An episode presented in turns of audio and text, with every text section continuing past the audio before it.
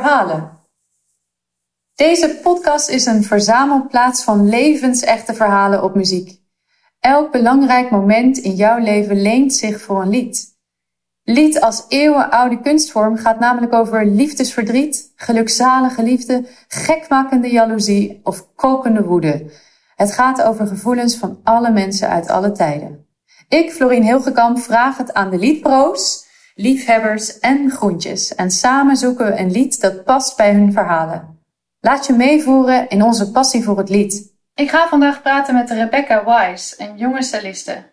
Ze speelt in het beroemde Ragazze Quartet, een stoer strijkkwartet bestaande uit vier bevlogen jonge vrouwen, die zich ontwikkeld heeft tot een van de meest toonaangevende stemmen in de klassieke muziek. toen ik haar vroeg voor deze podcast, reageerde ze super enthousiast en zei ze: Ik hou zo gruwelijk veel van zang. En waarom? Dat ga ik haar vragen. En ook hoe het is om een telg te zijn van een familie vol getalenteerde muzici. En we gaan praten over een moment in haar leven dat ze zou willen verklanken in een lied. Welkom, Rebecca Wise. Dankjewel. Celliste. Nou, wij hebben samen wel eens een uh, productie gedaan, daar ken ik je van. Een hele leuke productie. Een hele leuke productie. Ik vind het heel leuk dat je er bent voor onze podcast. Ik vind het super leuk om hier te zijn. Cool. Nou, we beginnen met een kleine ronde vragen. En je mag heel kort antwoord geven, maar ook uh, uitgebreid. Met een hele anekdote. Dus ook welkom. Ja. Als je je hele leven maar naar één muziekstuk mag luisteren, welke zal dat dan zijn? Op oh. repeat dus. Op, op repeat? Ja. Of gewoon elke keer als je iets luistert, is het dat. Ja. Ja, dat is, ja precies. Een variatie op, je gaat naar een onbewoond eiland. Ja. En je mag dit meenemen. En het is echt maar één. Ah, dat vind ik wel oneerlijk, want naar het onbewoonde eiland mag je altijd tien dingen meenemen. en dan kies ik altijd van die boxen. Dan neem ik, dan, dan neem ik de, de, de hele Ring der Nibelungen en, oh en ik weet wel, alle pianoconcerten van Mozart, dat telt dan als één. En dan oh, heb je meteen heel veel uur muziek, maar nu mag ik maar één. Ja, maar één muziekstuk. Hoe lang mag het zijn? Zo lang als je wil. Misschien moet ik dan iets kiezen wat ik echt heel erg zou vinden als ik dat mijn de rest van mijn leven niet meer zou kunnen horen. Want als ik ga nadenken als ik één ding moet kiezen uit al die andere dingen, als ik nooit meer naar dat stuk zou mogen luisteren, dat ik dan heel ongelukkig zou worden. Mhm. ja, wat nu als eerste naar boven komt, is de opera Turandot van Puccini. Mooi. Dat is um, absoluut, mijn absoluut favoriet, al heel erg lang. Oh ja? Ja. Al, ja, vanaf dat ik voor het eerst naar opera ging luisteren. En dat was denk ik toen ik negen was. Ja. Of misschien zelfs, al, misschien zelfs al eerder. Want mijn vader werkte vanaf dat ik me kan herinneren bij de opera. Dus ik weet niet meer wat het eerste moment was. Maar ik weet wel dat het eerste moment was dat ik in Kopenhagen was bij hem. En dat hij meewerkte aan een productie daarvan. En dat ik dus die, die opera heel erg goed leerde kennen. Ja. En ik werd gewoon echt verliefd op die muziek. En heb later ook nog wel eens gehad hier komt de eerste lange anekdote. Uh, ik, mijn oom en mijn moeder woonden heel lang in dezelfde straat in Amsterdam. En ik woonde nog thuis. En op een gegeven moment, uh, mijn moeder was op tournee, die speelde in een orkest. En hij is ook muzikant. En op een gegeven moment toen had hij concert gehad in Rotterdam, in het Rotterdamse Philharmonisch. En hij kwam thuis, heel laat, s'avonds om 12 uur s'nachts. En ik had die avond had ik The 120 Days of Sodom gekeken. Die afschuwelijk enge film van Pierpaolo Pasolini. Oh, oké. Nou ja, daar ga ik niet over uitweiden. Maar in ieder geval was het een uur of één of zo. Dat Floris oh, naar mij toe kwam, aan de, naar mijn kant van de straat. En dat we dus toen ergens tussen één en vier hebben we pasta gemaakt. en opgegeten. En hebben we Puccini Turandot geluisterd in de opname met Pavarotti en Joan Sutherland. Ja. Gewoon om even weer rustig te worden na de film. Ja, precies. Gewoon, en gewoon omdat dat, ja, dan eet je pasta en dan, dan hoor je Pavarotti. Dat zijn gewoon twee dingen die heel goed bij elkaar passen. En eh, dat zetten we ontzettend hard aan. En wij waren de enigen die thuis waren. Zijn vrouw was op tournee, mijn moeder was op tournee. Het was een soort nachtelijke bubbel waar we met z'n tweeën in zaten. Dat kan ik me nog heel goed herinneren. Ja. En die liefde voor Turandot heeft je nooit verlaten. Dat is altijd gebleven.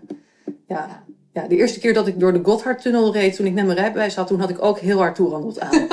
een soort key moments in je leven. Ja, ja, ja, ja. Er zijn wel een paar momenten zo. Ja. ja. Heb je een concertritueel? Nou, ik, ik speel in het Ragazzi Quartet, strijkkwartet. En voorafgaand aan ieder concert is er een moment, en dat noemen we, dat we gaan tutten. En dat is zo'n beetje een half uur van tevoren. En dan is iedereen gewoon even met zichzelf bezig met wat doe ik aan en hoe doe ik mijn haar en ik heb een nieuwe eyeliner. En dan heb je het erover met elkaar dat ik heb een nieuwe lippenstift ik heb uh, en uh, wat vind je zal ik mijn haar zo doen? En dan ben je even helemaal niet bezig met de muziek. Je bent niet bezig met iets zwaars je bent wel bezig. En dat is een heel fijn soort uh, een heel fijn iets om in een langzaam naar die concentratie toe te gaan van het concert je hebt sommige mensen die vlak van tevoren voor concert nog heel erg hard gaan spelen. Ja. Heel, heel warm willen blijven of uh, nog even willen checken of ze dat ene moeilijke loopje nog kunnen spelen. Dat is iets wat ik geleerd heb van mijn collega's. Dat laten we los. Mm Want het heeft geen zin meer. Zo kort van tevoren. Nee, dat gaat niet, meer nog nee. in je hersenen zo diep zinken nee. dat je daar nog iets aan hebt. Ja. Dus dan kan je beter in de ontspanning gaan en gewoon zin krijgen in dat concert. En dat ja, vanuit die houding het gezellig met elkaar hebben, maar wel in een concentratie zijn die gewoon nog een beetje licht is. Wat is je lievelingsbeweging om te maken met je instrument? Dus dat bedoel ik met je, met je stok en, en, en je. Een lievelingsbeweging? Ja. Als in, wat levert het misschien voor geluid op? Of is er een soort van iets wat je altijd heel graag doet als je het ziet staan in de partituur van, oh, dan mag ik dat weer doen vibreren. Ja? Ik hou heel erg van vibreren. ja, ja. dat is gewoon heel lekker. Ja. En daar kan je een super warm geluid mee maken. En daar hou ik van. Dat is ook natuurlijk, ja, waarom ben je cellist? Dat is toch wel om, om het geluid dat je kan maken. Ik ben niet cellist geworden omdat ik kan laten zien hoe ontzettend virtuoos ik cello speel.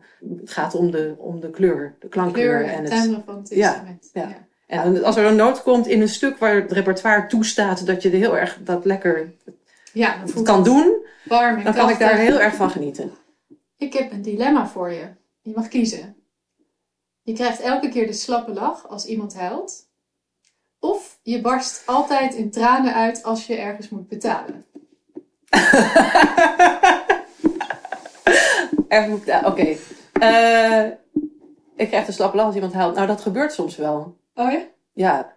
Ja, mijn vrouw is zwanger op dit moment. En uh, zij is nu dus, dus, dus, best wel hormonaal. En dan soms, soms echt op de meest rare momenten gaat ze dus ineens huilen. Maar dat vindt ze dan zelf ook heel grappig. Dus dan zit ze tegelijkertijd te lachen en te huilen. En ik moet daar dan ook heel erg om lachen. Maar goed, dat is natuurlijk niet echt wat je bedoelt met dat iemand gaat... Als echt iemand heel erg verdrietig is, dat je dan een slappe lach krijgt. Nee, dan ga ik toch wel, denk ik, voor dat ik moet huilen als ik moet betalen. Want daar kwets ik dan misschien ja, daar kwets ik niemand mee. Nee. Ik vind het erger als, als mensen zich heel erg door mij voelen uitgelachen op een, op een heel kwetsbaar moment van hen. Dus dat zou ik naar vinden. En bij het horen van welke cellist dacht je, wauw, dit wil ik, of zo wil ik spelen? Jacqueline Dupré. Zij is, ja, subliem mooi geluid en ontzettend um, een speler die, die haar hele hebben en houden daarin legt. Ja. Je hoort heel erg haar. Als jullie onderweg zijn hè, met het strijkkwartet, in de auto op weg naar een, uh, een voorstelling of uh, een concert, doen jullie dan wel eens een spelletje?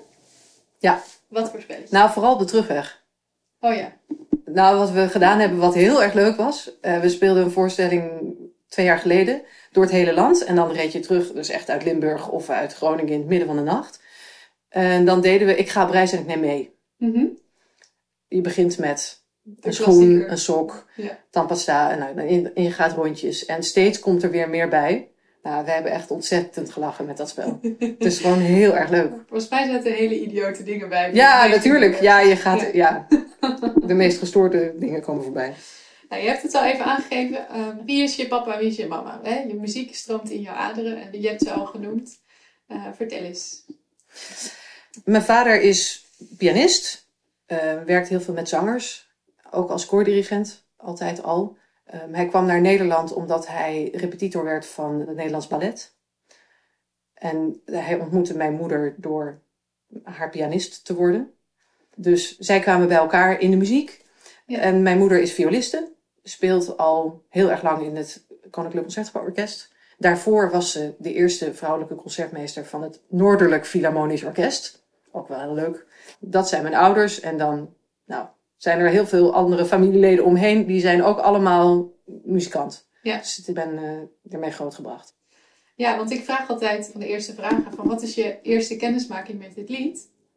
Maar in jouw geval is dat een soort heel onbewust uh, geweest. Omdat gewoon, jij zat als uh, peutertje met blokken te spelen. Terwijl er allerlei uh, ja, ik kan het me niet meer voorbij kwamen. Ik kan het me niet meer precies herinneren wanneer het eerste keer was dat ik bepaalde dingen hoorde. Omdat het er altijd al was. Ik weet niet of mijn vader thuis heel veel gerepeteerd heeft met zangers. Maar ik kan me voorstellen van wel.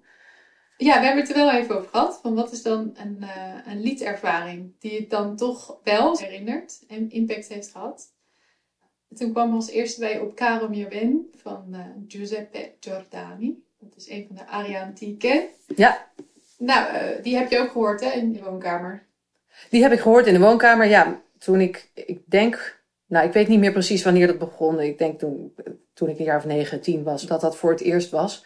Um, ging mijn moeder samenspelen in een kwartet plus zangeres. En zangeres was Charlotte Margiono heel bekend in Nederland vanwege uh, allemaal Mozart-opera's. Die zij uh, echt fantastisch mooi zong altijd. En zij ging aria antiche en, al, en ook later allerlei andere liedcycli van Schumann um, en Heinz Krause Graumlieds ging ze, ging ze op cd zetten. En ook overal concerten spelen. Dat was een soort, uh, naast haar opera-carrière deed ze dat erbij. Mijn moeder speelde daarin mee. En dus zij kwamen, ja, zij kwamen thuis bij oh, ons repeteren. Ja. En dat, ja, dat was dan tot s'avonds laat of zo, eh, tussen de bedrijven door. En ik, ik lag dan in bed en ik hoorde dat. Of ik was aan het spelen en ik hoorde het. En Caro Mio was daar één van. Ja. En, er zitten echt heel veel luisteraars nu zitten te luisteren en denken... Oh, wat moet dat zalig geweest zijn om gewoon zo in slaap te vallen s'avonds. Ja. Met prachtige muziek. Ja, dat was ook, heel, was ook heel leuk. Ik vond het ook altijd wel irritant dat ik er niet bij mocht zijn. Oh ja. Want ik vond het gewoon heel spannend en zo. En dan, ja weet nog wel, je hebt dat, die geur van, van pas, pasgezet koffie die iedereen dan kreeg en zo. Dat kan ik me heel erg herinneren. En ook, ja, dat was ook, voor een kind is dat gewoon heel spannend. Ja, wil je erbij zijn, beneden zijn. Ja. Nou, we gaan er naar luisteren. Uh, misschien kan je het zelf even aankondigen. Ja, we gaan luisteren naar de opname van Caro Mio Ben, gezongen door Charlotte Margiono en gespeeld door het Margiono quintet, dus het kwartet dat haar begeleidde. En daarvan zijn de muzici Marijn Meinders, Suzanne Jaspers, Gert-Jan Leuverink en Ike Viersen. A side note, Ike Viersen was ook mijn cello-leraar. Oh, kijk eens. Die ken je ook al heel veel. Die kende ik ook al, ja. ja. Kijk aan. We gaan er even naar luisteren.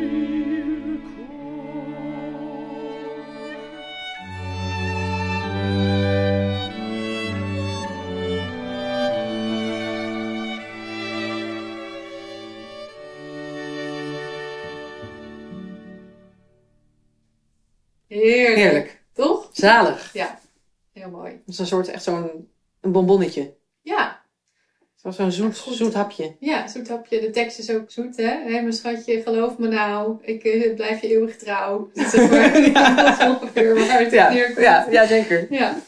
Je kan het ook, ja, het Dat, eh, is gewoon echt uit de Jordaan als het ware. Maar dan de Italiaanse Ja. versie. Ja, je hebt het ook gezongen, toch? Ik heb het later, dat was leuk hieraan. Op een gegeven moment toen, ik, ik ging op bij het Nationaal Kinderkoor en toen later kreeg ik ook zangles. En een van de eerste stukken die ik mocht zingen op zangles was dit lied. Terwijl ik dat dus al gehoord had thuis in zo'n heel andere setting. Dus het voelde dan voor mij heel, ik was heel trots dat ik dat dan ook mocht gaan zingen. Ja, tuurlijk. Ja. En het, Ja. ja. in, een, in een bepaalde fase was, vond ik dit dus heel. eh, ja, dan, dan is deze muziek is echt alles wat je nodig hebt. Dat was toen heel, heel leuk om te Ja. doen. En dan was er een andere fase waarin een ander soort muziek nodig was, hè? En daar hadden we het ook nog even over voordat we begonnen. Ja. En dan komen we in de puberteit. Is dat eh, een beetje waar je dan beloond bent? En eh, Ja, dat je behoefte hebt aan iets meer lage symboliek, zei je? ja. Ik Nou, ja die, dus daarom zei ik ook net dus dat bonbonnetje. Het is gewoon, dus zo'n Caro Ben, dat is voor mij echt zo'n, dat is iets, dat vind je vanaf het eerste moment dat je het hoort, vind je het lekker. Ja. Het heeft een intro, het heeft een heel duidelijke structuur, er is gewoon, ja, er, Goed er, is, er is niets Ja. dubbelzinnigs aan. ja, Het is, het is precies wat het is en daarin is het super eerlijk en super zoet. En dus je weet dat je er niet te veel van moet hebben. Zoals dat ook bij een bonbonnetje gaat. En dat is dus inderdaad, als je kind bent, eh, dan is dat eh, gedurende een heel lange tijd is dat alles wat je nodig hebt. Maar op een gegeven moment dan kom je in een fase dat je al aan alles wil twijfelen. Ja. En dat dus dat, dat bonbonnetje, dat je wil weten van, ja, maar hoe zit dat nou precies? En ook dat je niet iets wil dat je in één keer snapt, maar je wil juist ergens ingraven. ja, En ik was denk ik voor iemand die eh, in 1990 is geboren een beetje anders dan anderen dat ik dat dus deed met Duitse teksten. Dat ik dat dus echt heerlijk vond. Ja. Dus inderdaad vanaf een bepaalde fase, ik denk toen ik een jaar 14, 15, 16 was, toen ontdekte ik juist de Duitsstalige liederen van de grote romantici uit Duitsland en Oostenrijk. En dat is gewoon een totaal ander verhaal. ja, Dat is een acquired taste ja, zeg maar de gorgonzola. Ja. Of de, wat heb je nog meer? Wat, wat heb je aan ingewikkelde smaken die je niet meteen, koffie, bier. Dat soort smaken, dat zijn ook de smaken die je in die fase gaat ontdekken. ja, En datzelfde geldt eigenlijk dus ook voor dat soort muziek, die inderdaad wat je zegt, vol zit met symboliek. ja, En die ook geschreven is door mensen die die fase hebben verheven tot een manier van leven. Dus bij de meeste mensen blijft dat in de puberteit, maar bij de, de sommige dichters en, de, en sommige componisten van zo de midden van de langer- 19e eeuw, Ja. die bleven daar wat langer in hangen. en die wilden heel graag overal een ontzettend diepe laag in, Het zijn in zoeken. gewoon maar pubertjes allemaal. Nou ja, Schubert is niet veel ouder geworden dan een puber Nee, dat is waar, ja. Ja, dus we, Schubert, hè? Dus de- we hebben een, een lied van Schubert eh, uitgekozen. Ja. Der Zwerg. Ook in een bijzondere opname, vind ik. Omdat dat een, ook een opname was waar ik toen mee in aanraking kwam. Ja, Want, eh, dus mijn moeder speelde in een orkest. En op een gegeven moment toen ha- had eh, Bernard Haitink, die had ontdekt een, een nieuwe zangeres, Christiane Stotijn. En mijn moeder die kwam meteen naar mij toe en zei, Rebecca, je moet komen luisteren deze week. Want Bernard Haitink heeft nou iemand meegenomen en die zingt echt waanzinnig. En die is heel erg jong en ze zingt en daarnaast speelt ze ook viool. En jij speelt cello en je zingt ook, dus je moet komen. Nou, dus ik kwam eh, luisteren en ik was heel erg onder de indruk van haar. En ik kocht een cd en daar stond dit werk ook op. ja, En heel veel andere mooie liederen. Duitse liederen, doorvrochte liederen. ja. Dus dat was helemaal jou besteed op dat moment. En Ja. ja, dat, dat was dus blijkbaar iets wat, wat me op dat moment heel erg aansprak. Ja, Hier begin je met de situatie die wordt geschetst in, in ongeveer een halve zin. En daarna is meteen duidelijk dat de situatie slecht is. En alleen maar tot het einde van het lied erger en erger wordt. Het is echt het is verschrikkelijk. ellende. Ellende. En er komt ook een dwergje voor, hè? dat zegt het al de titel. Gaan we het al verklappen? Ja, laten we het maar doen. Hè, die vermoordt, eh, De vrouw van wie hij houdt. ja, want zij heeft gekozen. Zij is een, een koningin. En, Ze eh, zijn op een schip. Ze zijn op een schip en eh, hij gaat haar uiteindelijk laten stikken met een zijden rode sjaal. En dan eh dumpt hij er in de zee, omdat hij dus jaloers is. En zij heeft gekozen voor de koning. Ja. En, En ze vindt het blijkbaar, dat is dan iets, daar is mijn feministische inborst niet helemaal mee eens, dat ze dat blijkbaar best oké vindt. Dat ze zegt, ik hoop dat jij hier niet de rest van je leven nog spijt van krijgt. ja, dat jouw hart eh, eh, daar, daar geen last van heeft of iets dergelijks. Dat je mij vermoord hebt. Ja, zo'n heel nobel, nobele zin komt er nog uit. Dat In plaats van dat ze zegt, jij ontzettend lelijke de idioot. Ja. Ik- Ik schop jou van deze boot en ik ga nu naar mijn koning waar ik verliefd op ben. Ja. Die wel gewoon mijn lichaamslengte is en die ik gewoon makkelijk een kusje kan geven. Ja, je zou het op kunnen nemen tegen een dwerg, lijkt me dat is ook niet helemaal. Dus het is ons nog niet helemaal duidelijk als je een van onze luisteraars weet waarom ze deze zin nog erin gooit. Maar goed, nee, ja. Dus we gaan de- luisteren naar eh Dat werk van Frans Schubert en op een gedicht van Matthäus van Collin eh, door Christiane Stotijn en Jozef Breinen.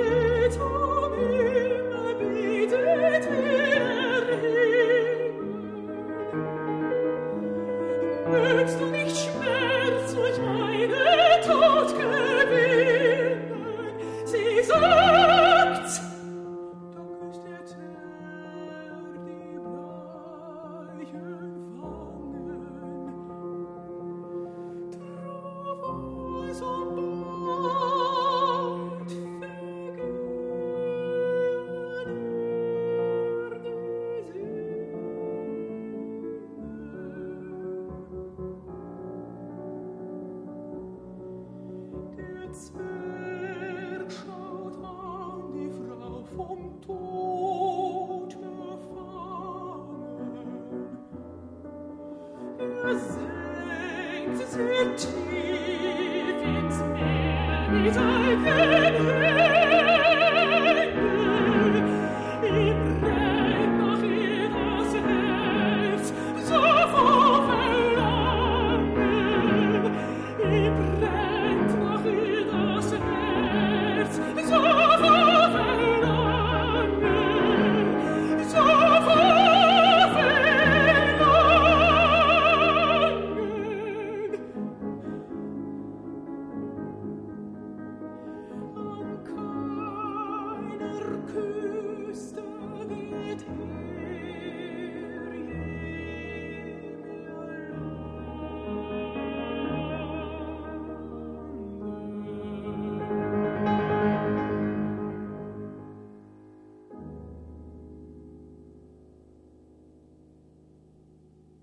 Potverdrie, wat mooi hè? Supermooi. Zo vol verlangen. Ja, zo vol verlangen. En dat doet me nou aan denken. Ik was gisteren naar de opening van de, de Operadagen in Rotterdam. Oh, ik was daar ook. Was je daar? Serieus? Naar die film? Ja. Oh, cool. Maar de tweede keer, waarschijnlijk was Ja. je er vroeger. Ik was daar de eerste keer. Oké. Oh, wat leuk dat je daar ook was. Nou, dan weet jij ook dat op een gegeven moment kwam er iets in voor. Toen ging het over wat is het dat het belangrijk maakt dat alles wat we doen uit ons komt. Terwijl er allerlei machines zijn die het beter kunnen dan wij. En dat heeft te maken. Dat ging het nou over Oh, die ja. koffie. Ja, die koffie, dat koffiezetapparaat. En het ging dus over het verlangen. het is helemaal niet interessant. voor Het ging over het verlangen. Ja. Het verlangen is hetgene wat we... Ja, Ja. dat is wat maakt dat, dat, dat, wij, dat wat wij doen nog een bestaansrecht heeft. Ja, Ja, ik vind dat wel belangrijk. ja, want een, een koffiezetapparaat verlangt niet naar de koffie. Precies. Je maakt het gewoon. Je hebt de mens nodig om daarnaar te verlangen, om, Ja. om dat lied bestaansrecht te geven. Dus je kan wel een robot alles laten doen, maar die heeft dat verlangen niet. Ik vind het toch wel mooi gezegd, het gaan we toch niet uitknippen. Nee, dat dacht ik al. Oké. maar inderdaad, ja. Dat verlangen. Dat is wat dit zo heerlijk maakt. Ja, En dat van Caramel Ben is een beetje zo uit de losse pols. En dit heeft zo dat heel erg die zinzoekt ja. die ja. heel belangrijk is. Jullie hebben ook een programma met Schubert eh, gedaan. Ja. Heel bijzonder, want de, eh, de Winterreizen, een van de bekendste en meest opgenomen liedcycli van, eh, van Schubert. Of überhaupt liedcycli, denk ik, mag ik wel zeggen. Ja. Maar dan in een supermooi arrangement voor strijkkwartet en bariton. Ja, gemaakt door Wim ten Haven. Ja, hoe zijn jullie in de huid van zo'n liedcyclus gekropen? Hoe hebben jullie dat aangepakt met z'n vieren? Of met z'n vijven? Of met z'n zessen? Nou, het was zo eh, dat we het op ons festival wilden programmeren. En dat was in het jaar dat het thema eh, tussen haakjes onsterfelijkheid was.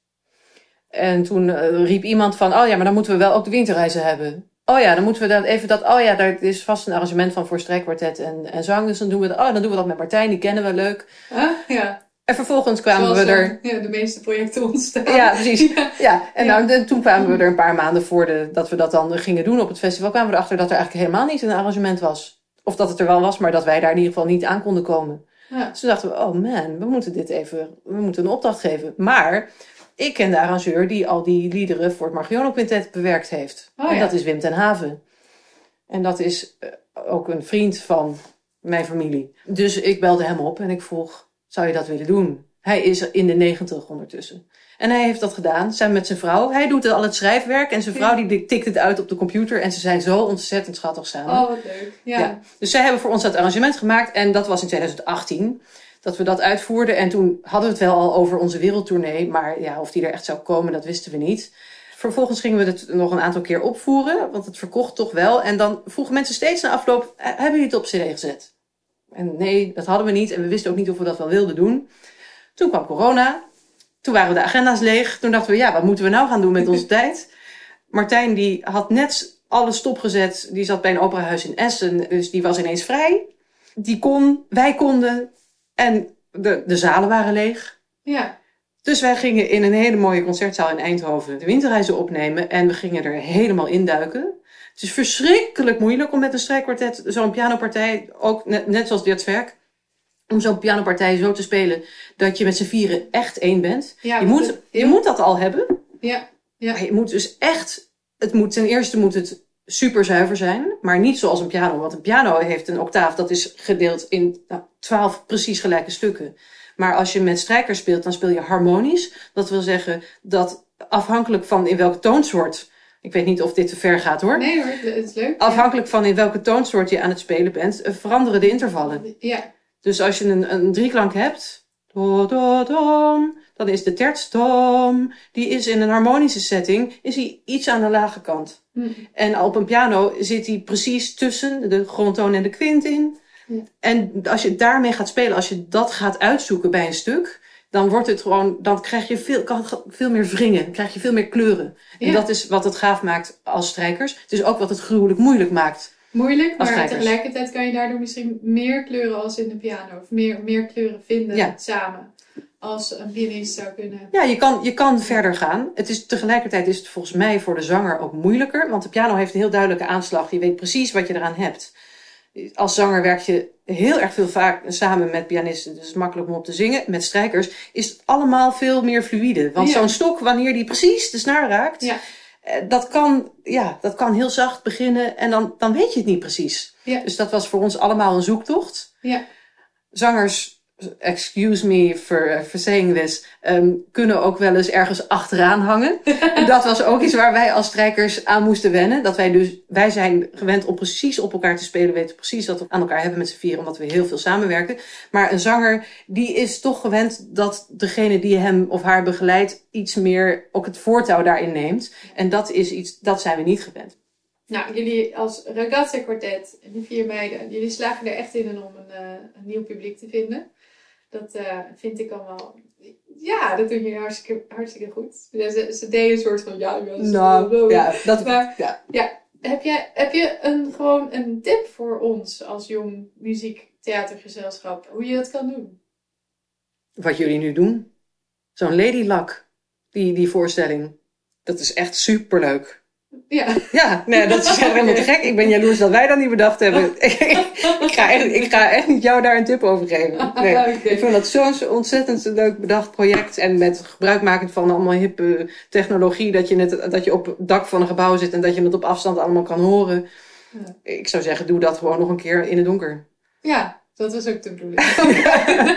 Zodat iedereen het ook nog kan zien. Want het is, Ja. ja, dat is super avant-garde wat mij betreft over wat je nu heden ten dagen kan doen met, met muziek die, die we al kennen. Want dat is natuurlijk eigenlijk wat je dan probeert. Waar wij ook als kwartet mee bezig zijn. Ja. Is dat je denkt, dit is muziek die eh, misschien te weinig wordt gehoord. Of die al heel vaak is gehoord. Maar eh, alleen maar in een bepaalde heel serieuze setting. Door vier mensen in het zwart op een podium. Die niks zeggen, niet communiceren met het publiek. Alleen maar bezig zijn met de muziek. Mhm.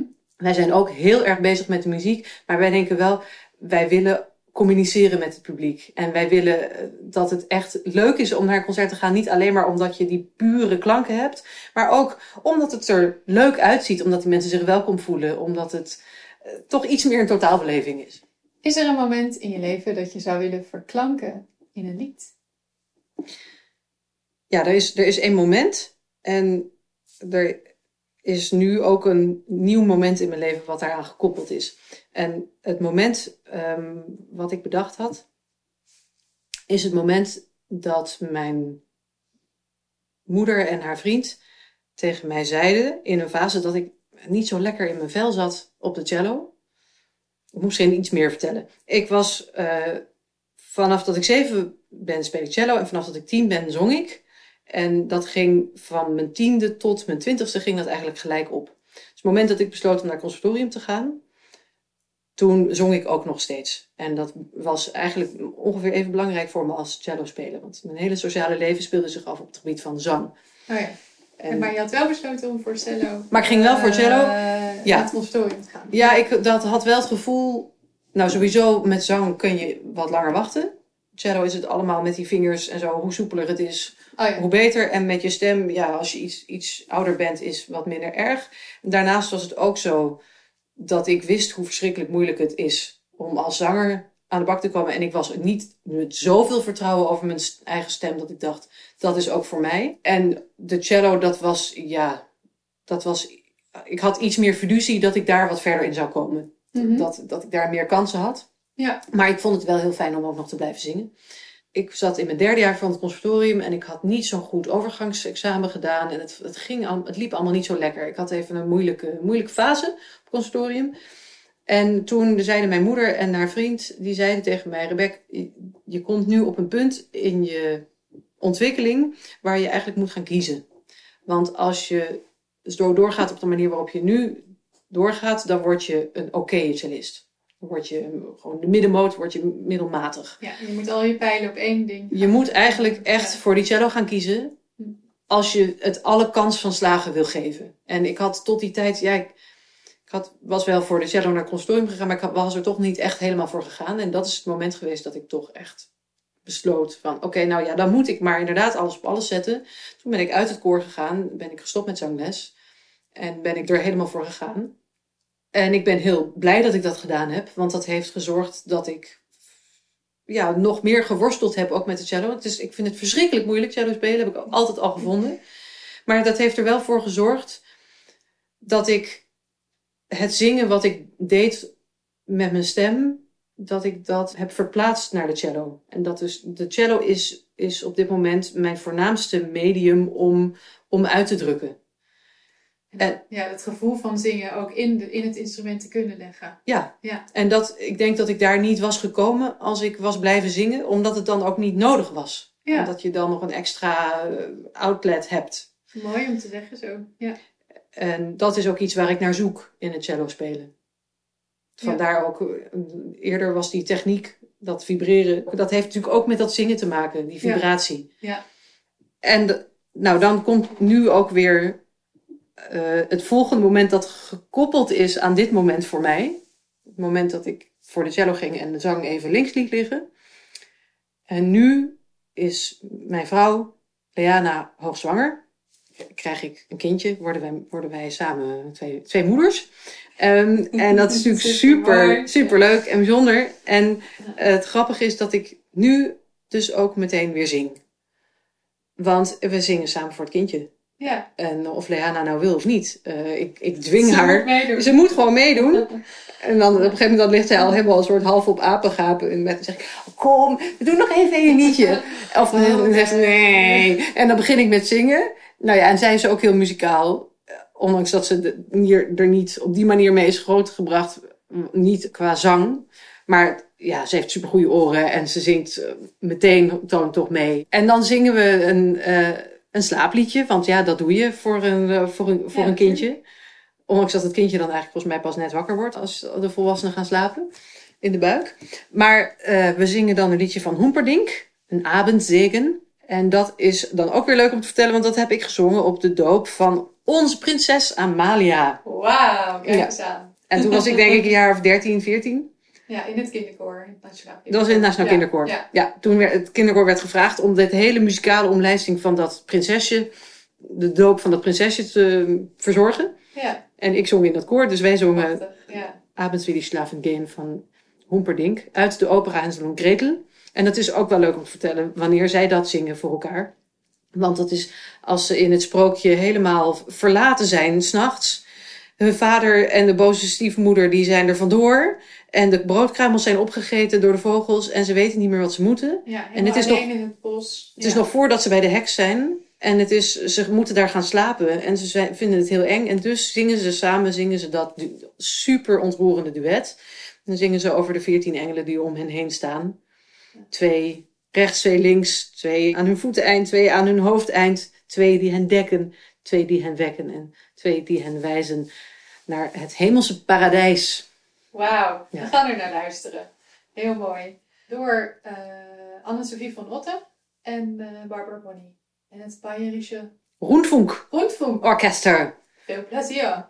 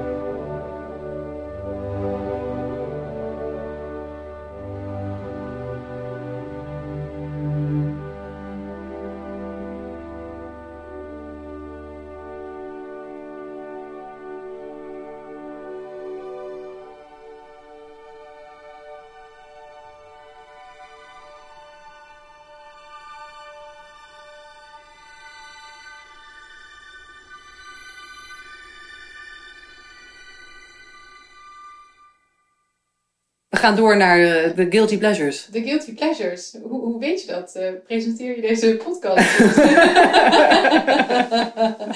Inderdaad. Wat eh, luister je als je gaat koken? Want jij kookt graag, dat weet ik. En lekker, weet ik ook.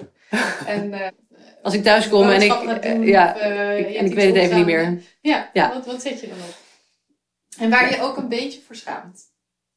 Oh ja, nee, ik, maar ik, ja, dat is niet een je goede vraag voor mij. Ik schaam me nergens voor. Zeker niet voor muziekstijl. Want er is verschrikkelijk veel muziek en Ja, iedereen moet vooral luisteren waar die, waar die naar wil luisteren. Nou ja, oké, als ik naar een soort van haatzang zou, zou luisteren, dan zou ik me daar wel voor schamen. Maar dat, ja, oké. volgens mij moet ik het woord guilty pleasure maar uit de podcast Ja, nee, verbannen, guil- want guil- Volgens mij, we, we- voelen ons allemaal niet guilty. Nee, nee, is dat zo? De andere mensen ook niet? Nee, nee, nee. Dit antwoord heb ik al vaker gekregen. Ja. Dus, eh, ja. Nee, dus het is inderdaad gewoon een Vrije pleasure. tijdsmuziek. Vrije tijdsmuziek, precies. Ja, mijn vrije tijdsmuziek. Nou, een liedje dat ik eigenlijk eh, niet zo lang geleden heb ontdekt, waar ik echt super enthousiast en blij van word, is het liedje Margotje van Wim Sonneveld. Gezongen door Wim Sonneveld. Ik denk dat het ook van hem is trouwens. Weet ik niet helemaal zeker. Maar ja, dat is gewoon echt een superleuk liedje. Waar ik heel, ja, heel erg blij van word. Het is echt heel En- erg sim- simpel. Het is een beetje terug naar Caro Ben. Gewoon, het is gewoon een heel erg leuk liedje. En het is heel quirky. Nou ja, wat ik leuk vind aan Wim Sonneveld, en dan specifiek in dit liedje, is dat hij een beetje overal de draak mee steekt. Mhm. Het gaat over, nou ja, je hoort het zelf in het liedje, dat hoef ik allemaal niet te vertellen, maar Ja. hij is natuurlijk homo. En hij zingt in al die liedjes van hem de hele tijd over de liefde. En de hele tijd over liefde van vrouwen. En dat hij dan verliefd is op die en verliefd is op die. En ik weet dat het niet zo is. Want hij is zijn hele leven lang met dezelfde man geweest. Ja, Maar dit was in de jaren 50 en toen kon je daar niet over zingen. nee. En wat ik leuk vind aan Margotje, wat ik er dan bij bedenk, dat heeft Wim Sonneveld nooit gezegd, maar dat heb ik gewoon besloten dat dat zo is, Mhm. is dat hij, dat dit vrouwtje, dat het allemaal maar, ja, dat het bedacht is, dat het niet kan. Want dat vrouwtje is zo, zit in de motorvloot, is super klein. Ja, klein vrouwtje. En dus zij, zij probeert Wim Sonneveld te, te verleiden en dat mislukt. En dit is eigenlijk ook het enige lied waarin dat gewoon heel duidelijk is dat dat echt mislukt. Ja, En uiteindelijk wordt ze een, ze- wordt ze een begijntje ja. in Madurodam. In Madurodam. En dat Ik moet er is, niet te veel verklappen. Nee. Het is heel grappig om, om te luisteren. je moet het gewoon gaan luisteren. En het is, eh, ja, dit- oh, dat je zo'n lied bedenkt. En jij zingt dat dan helemaal mee als je staat te koken? Je kan het van voor, voor, voor naar achter meezingen. Nou, nog niet helemaal. Ik kan het nog niet zonder, zonder Wim. Nee, precies. Wim. Ja. Ik heb Wim wel nodig. Ja. Maar de- ja, ik denk wel dat het uiteindelijk wel een deel van mijn, eh, mijn repertoire wordt. voor de baby. Ja. ja, dat sowieso. Die baby die krijgt dit liedje wel voor zijn kiezen. Leuk. Ja. We gaan er naar luisteren. Ik wil je heel erg graag bedanken, want eh, ik vond het een hartstikke leuk, eh, leuk gesprek. Ik ook. En we hebben hele mooie liederen geluisterd. En ik hoop ook dat onze luisteraars hiervan hebben genoten, ongetwijfeld. Ik hoop het Dankjewel. ook. Ja, We gaan ook door. bedankt. Margotje! Maar goedje!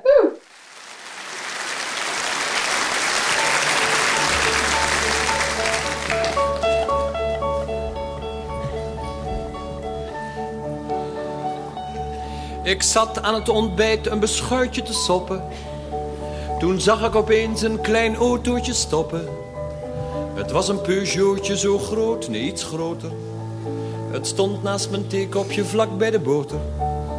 En ja hoor, daar ging het portiertje al open. Er kwam een klein vrouwtje naar buiten gekropen. Heel blond in bikini, een beeldig figuurtje. Ze stond op een bord en ze vroeg om een vuurtje. Ze zei, ik heet Margootje. En ik zei hallo. Ze zei, nou daar ben ik dan. En ik zei oh. Ik vroeg haar uit wat voor een plaatsje ze kwam. Ze zei, nou wat dacht je, uit Madurodam. Margootje, Margootje, ze klom op mijn broodje. Ze trok aan mijn haar en ze zat op mijn mouw. Mijn kleine vriendinnetje, zo'n neusje, zo'n kinnetje. Ze riep in mijn oor, Wim, ik hou zo van jou. Margootje, Margootje, in dat kleine Peugeotje. Maar gootje, maar gootje, uit Madurodam.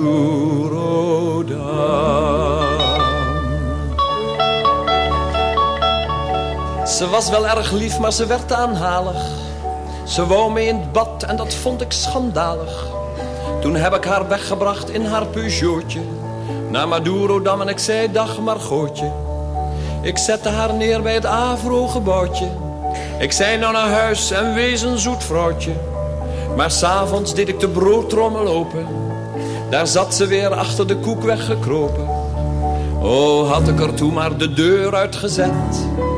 Ze wou mee in het bad en ze wou mee in het bed. Ze werd erg ondeugend en ik schreeuwde kwaad. Jij Christine Kieler in pocketformaat. Maar goedje, maar goedje, in een klein petticootje. Ze zwom in mijn bad en ze zat op de vim. Ze kroop in een laadje met zo'n klein BH'tje. Ze kroop in mijn jaszak en fluisterde Wim. Maar goedje, maar goedje, jij kleine idiootje. Maar goedje, maar goedje, uit Madurodam.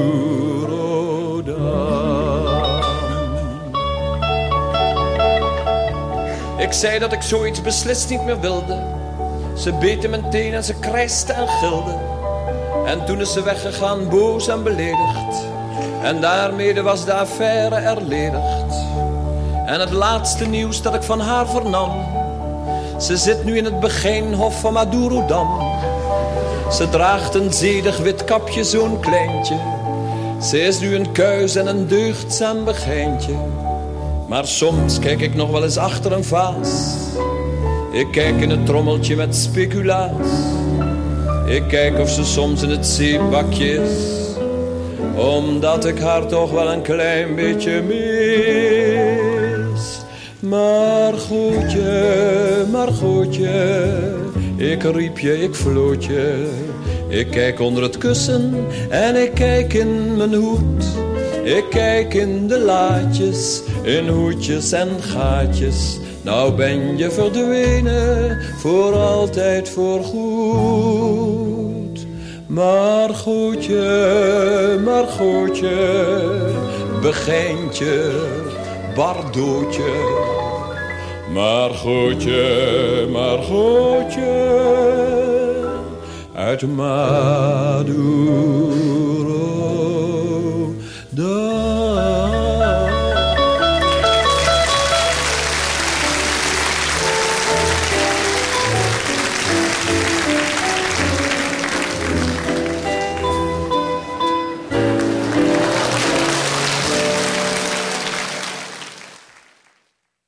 Je Liedhuis steunen?